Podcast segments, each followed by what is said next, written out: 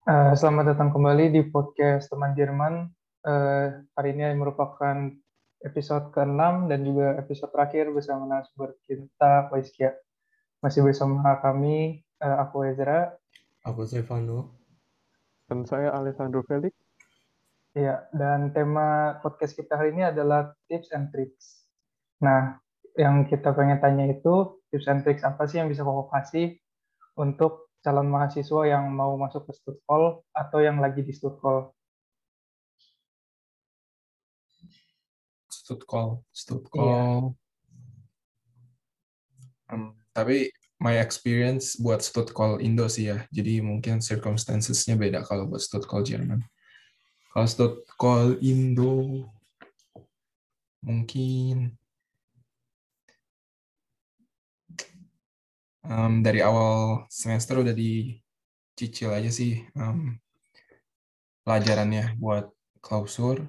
Terus um, di awal-awal tuh harus um, rajin banget ngafalin uh, vocabulary baru karena itu penting banget buat pertanyaan.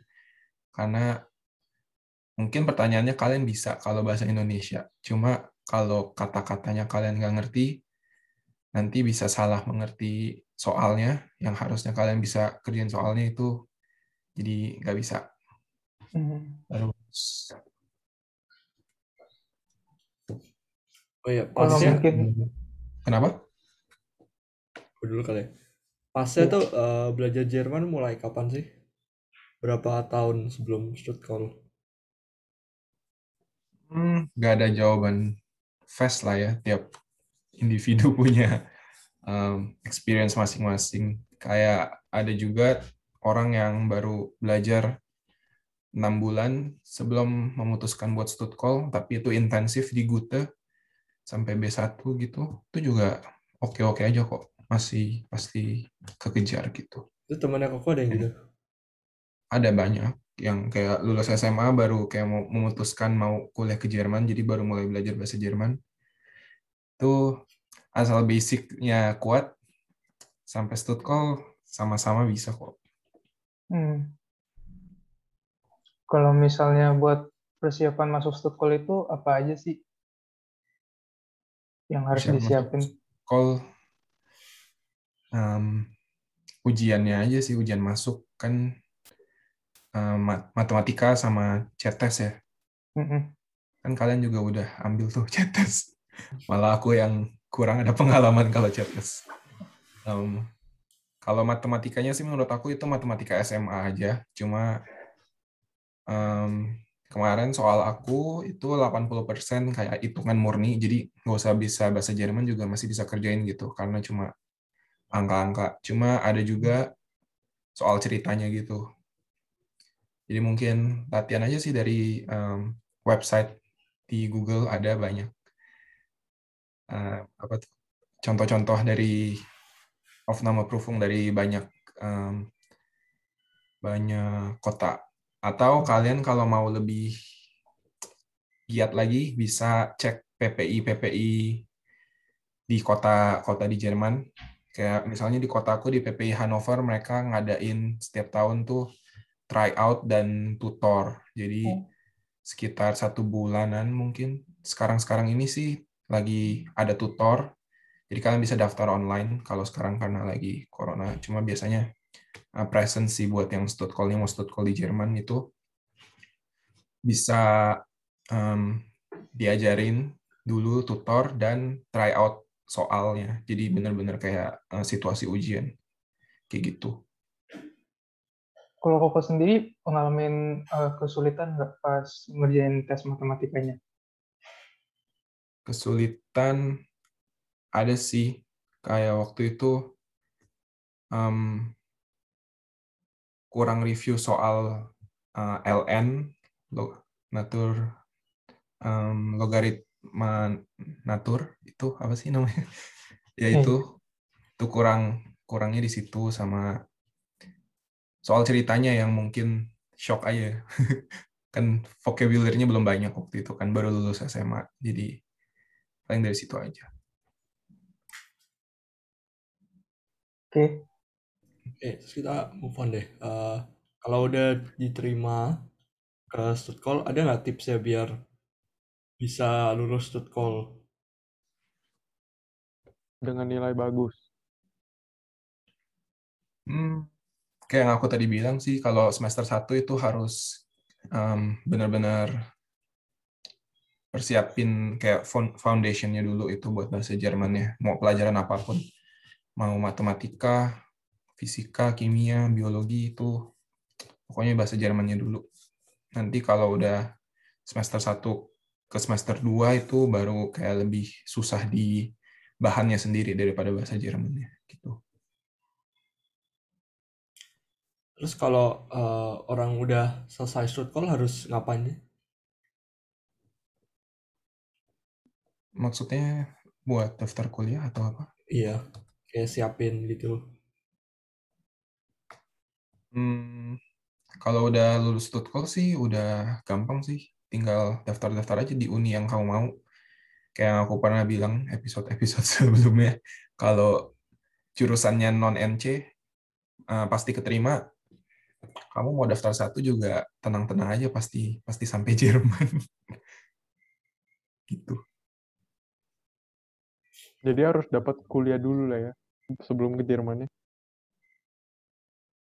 Iya, itu kalau Stuttgart-Indo. Atau kalau di Jerman, ya kamu udah tinggal satu tahun di Jerman kan, udah Stuttgart setahun di Jerman, ya kamu putusin kamu mau uh, kuliah di mana.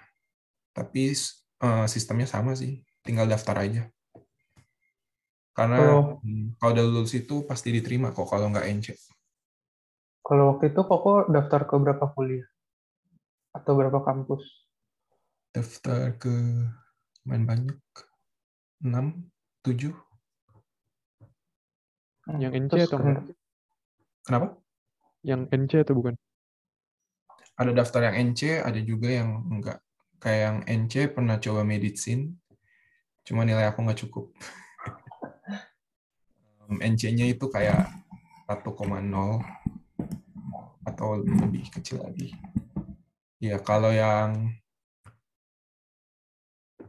yang lain aku pernah daftar ilmu gizi itu keterima cuma um, akhirnya mutusin kuliah kimia murni dulu aja sih. Jadi hmm. kayak yang aku bilang kalau yang nggak NC pasti keterima sih. Ada alasan nggak kenapa pilih jurusan kimia murni? Dibanding ilmu gizi. Iya ya aku pikir um, lebih broad dulu sih buat S1 hmm. karena kalau ilmu gizi langsung spesifik banget terus waktu itu belum tahu juga mau um, arahnya nanti kerja di mana kayak gimana gitu. Kalau S1-nya kimia murni dulu nanti S2-nya masih bisa ke banyak lagi sih menurut aku gitu. Terus kalau mau daftar itu ada biaya nggak sih buat daftar ke, ke kampusnya? Daftar kan um, ada dua channel. Satu lewat namanya Uni Asis. Kalau lewat Uni Asis itu ada biayanya, tapi aku lupa ada berapa. Kayaknya waktu itu untuk sekitar lima uni. Berapa ya biayanya ya? Mungkin 50 sampai 100 euro kalau nggak salah.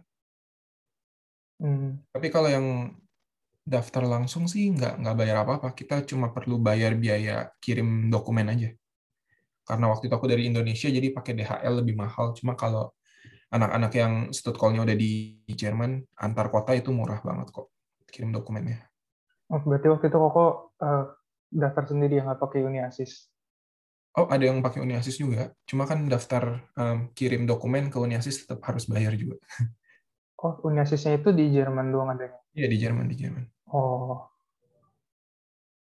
Itu kalian bisa lihat Nah, nanti kalau udah mau lulus call ke cari aja di Google Uni Asis. Nanti step-stepnya juga banyak kok di situ. Saya boleh bertanya lagi? Balik ke yang NC tadi kok. Hmm. Itu kan pakai nilai kata Koko. Itu tuh nilai apa sih? Aku masih oh. bingung sebenarnya. Iya. Um, nilainya ini jadi yang diambil nilai kelulusan di Stuttgart namanya Feststellungsprüfung dicampur sama nilai ujian nasional. pas zaman aku karena ujian nasional itu masih lumayan menentukan gitu kan. Tapi kalau udah angkatan kalian, setahu aku ujian nasionalnya udah berubah kan? Tidak Kita ada udah ujian nggak ada nasional. udah nggak ada UN. Nah kalau itu aku nggak tahu deh regulasinya sekarang jadi NC-nya dinilai dari apa. Kalau aku waktu itu jadi 50% nilai FSP digabung sama 50% nilai ujian nasional. Lumayan juga ya ujian nasional 50%. Iya. Eh, nilai koko itu waktu digabung itu terbantu atau malah jadi berhenti gara-gara ujian nasional itu? Hmm, sama aja. Kebetulan ujian nasional aku sama nilai FSP sama persis. Jadi rata. Tapi kalau misalnya ujian nasional nilainya jelek, berarti bisa bikin average jadi turun dong. Betul. Waduh. Hmm, Lanjut kali ya. ada website ini sih buat kayak menentukan nilainya sekarang hitungnya gimana. Cuma aku agak lupa deh. Oh. Oke. Lanjut ya kok ke pertanyaan berikutnya. Boleh, boleh. Oke. Jadi kan tadi kita udah bahas kayak kuliah sebelum ke Jerman gitu loh. Sekarang kayak tips and tricks mungkin untuk eh, pas untuk eh, mahasiswa sebelum ke Jerman nih. Misalnya kayak eh, cari rumah atau mungkin ada yang lain-lain yang untuk dipersiapin harus apa? Adakah? Kalau tips yang khusus cari rumah, kayaknya kita udah pernah omongin kan. Em, terus, hmm, in general itu sih harus tahu prosedur-prosedur aja kayak daftar uni, jangan kelewatan bayarnya. Waktu itu aku bayarnya dari Indo, jadi ada eh, due date due date-nya itu harus diperhatiin karena di sini kayak no tolerance gitu. Kalau kelewatan ya udah susah lagi sih menurut aku. Terus kayak visa juga itu harus dari jauh-jauh hari karena dapet termin buat visa itu susah. Buat eh, ya paling yang paling penting itu rumah, visa, sama terdaftar dulu di Jerman gitu. Dokumen-dokumen harus ditranslate juga ya kok setahu aku. Oh iya itu juga itu harus di translate-nya yang tersumpah namanya. Di Indonesia tuh kayak ada lima orang gitu. Lima. Lima doang. Iya penerjemah official. Oh, berarti dokumennya diterjemahin jadi bahasa Jerman. Iya em, nilai rapot dari kelas 10 sampai 12 aku waktu itu translate. Em, nilai UN juga karena itu nanti kan yang di dicampur sama nilai FSP. Terus yang penerjemah tersumpah itu kalian bisa lihat di kedutaan Jerman di websitenya. Ini barusan aku lihat. Sorry, 5 itu kayak yang di daerah Jakarta. Cuma di luar Jakarta masih ada. Ini totalnya ada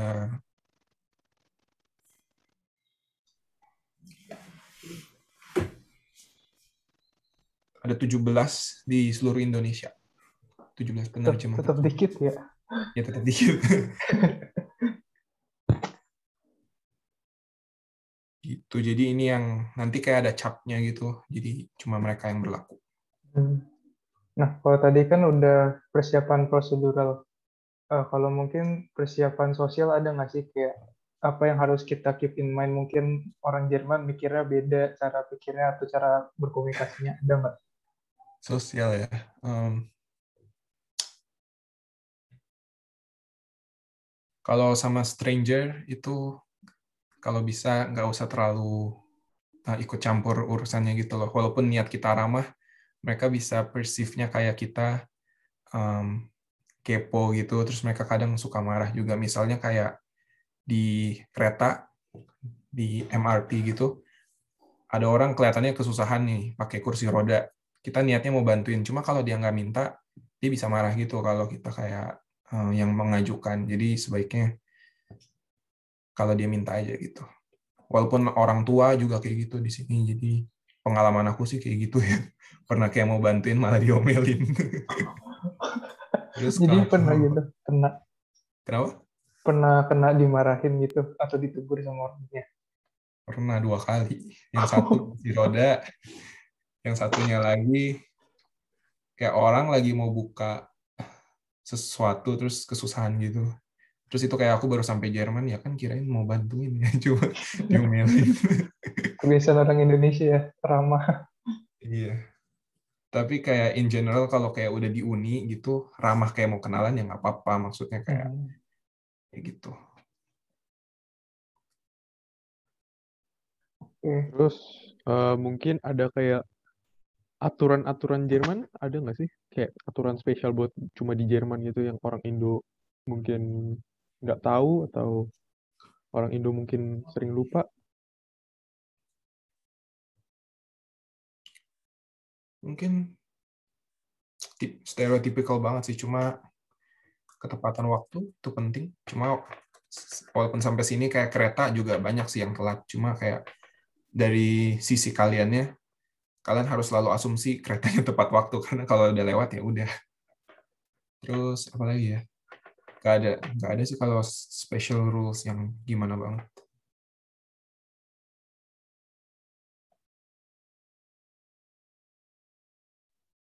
Oke, mungkin uh, aku mau nanya, kalau misalnya tadi kan sebelum ke Jerman, kalau setelah sampai di Jerman, ada apa enggak tips and tricksnya?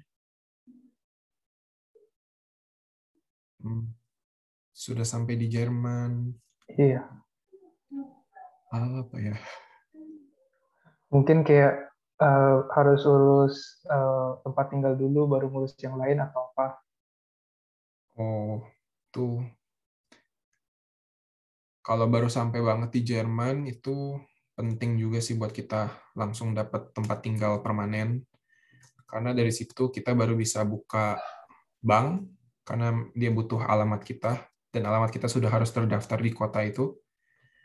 Dari bu kalau udah bisa buka bank, baru kita bisa cairin um, duit yang di block account di spare konto.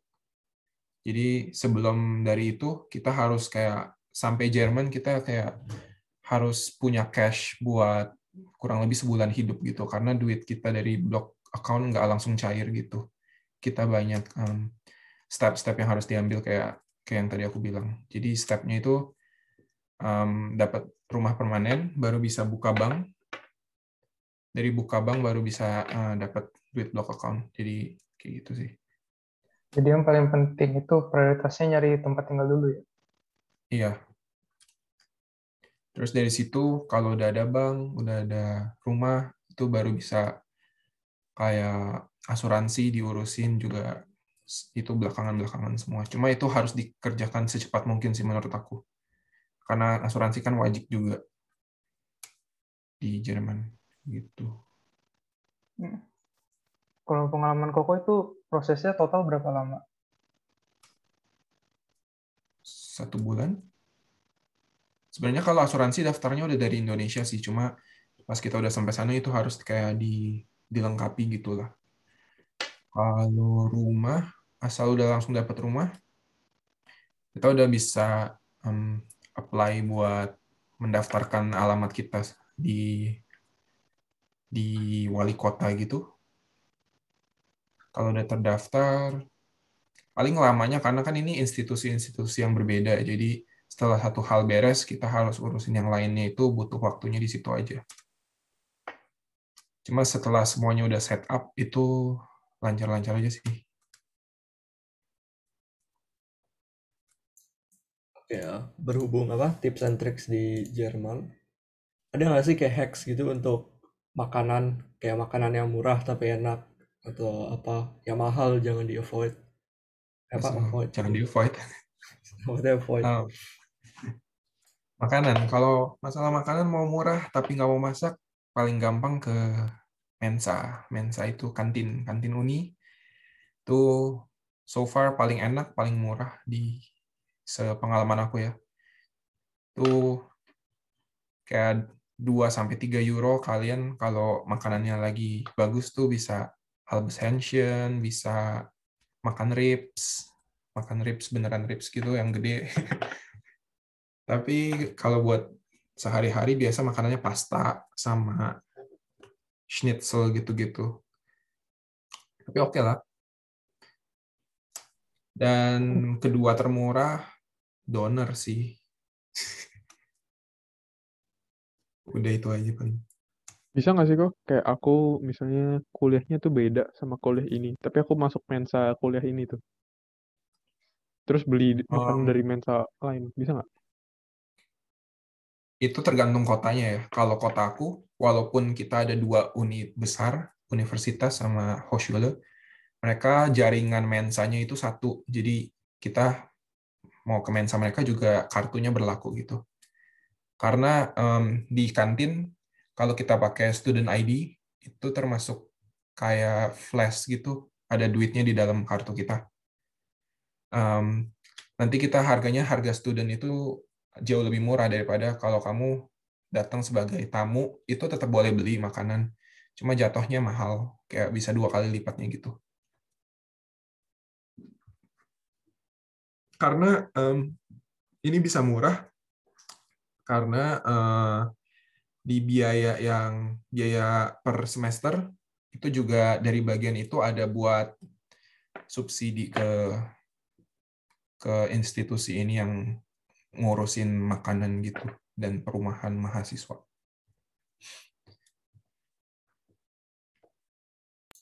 Terus selanjutnya eh, kan tadi apa di episode sebelumnya kok pernah bilang kalau cari teman Jerman tuh susah.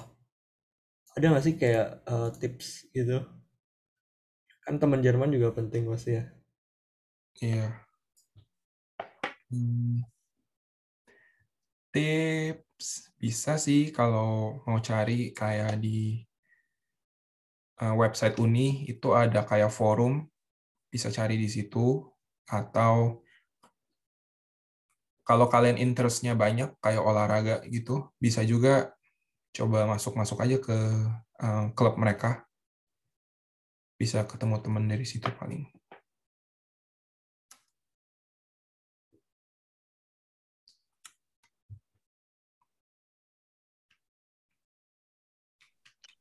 Oke, jadi uh, pertanyaan lanjutan nih kok. Uh, tips and tricks apa ya? Apa ya? Udah ya. Pas kuliah di Jerman, udah belum sih? udah sih majority-nya kayak gitu aja. Udah ya? Apa ya?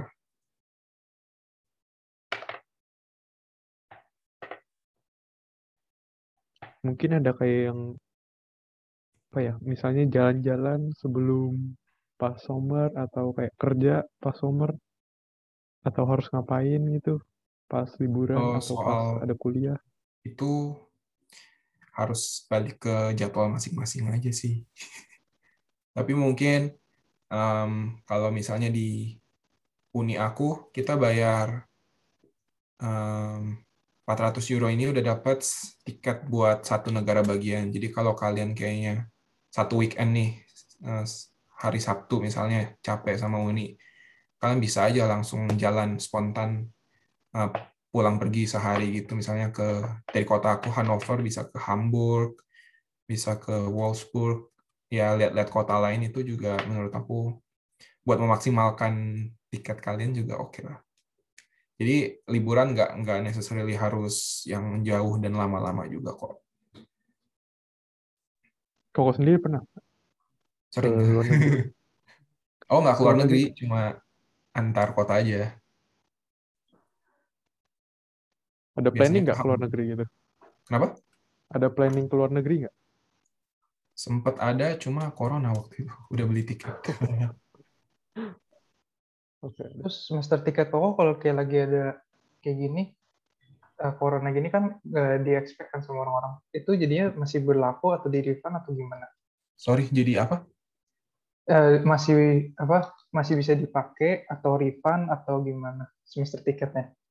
masih bisa karena selama pandemi ini travel antar kota nggak pernah terlalu di ditutup gitu sih. mereka peraturannya lebih kayak di restorannya harus jaga jarak, di luar kita nggak boleh ketemu sama orang lebih dari berapa orang. Tapi kalau masalah kita keluar kota misalnya sendiri itu nggak pernah ada masalah. Jadi nggak di refund sih. Dan masih hmm. bisa dipakai juga. Oke. Okay. Uh, eh, mungkin uh, sekian dulu untuk episode podcast teman Jerman kali ini. Uh, terima kasih banyak untuk narasumber kami, Koiskia, untuk enam episode bersama dengan kami. Sama. Oke, okay. uh, sampai jumpa di episode berikutnya dengan narasumber yang baru. Sampai jumpa. Sampai jumpa.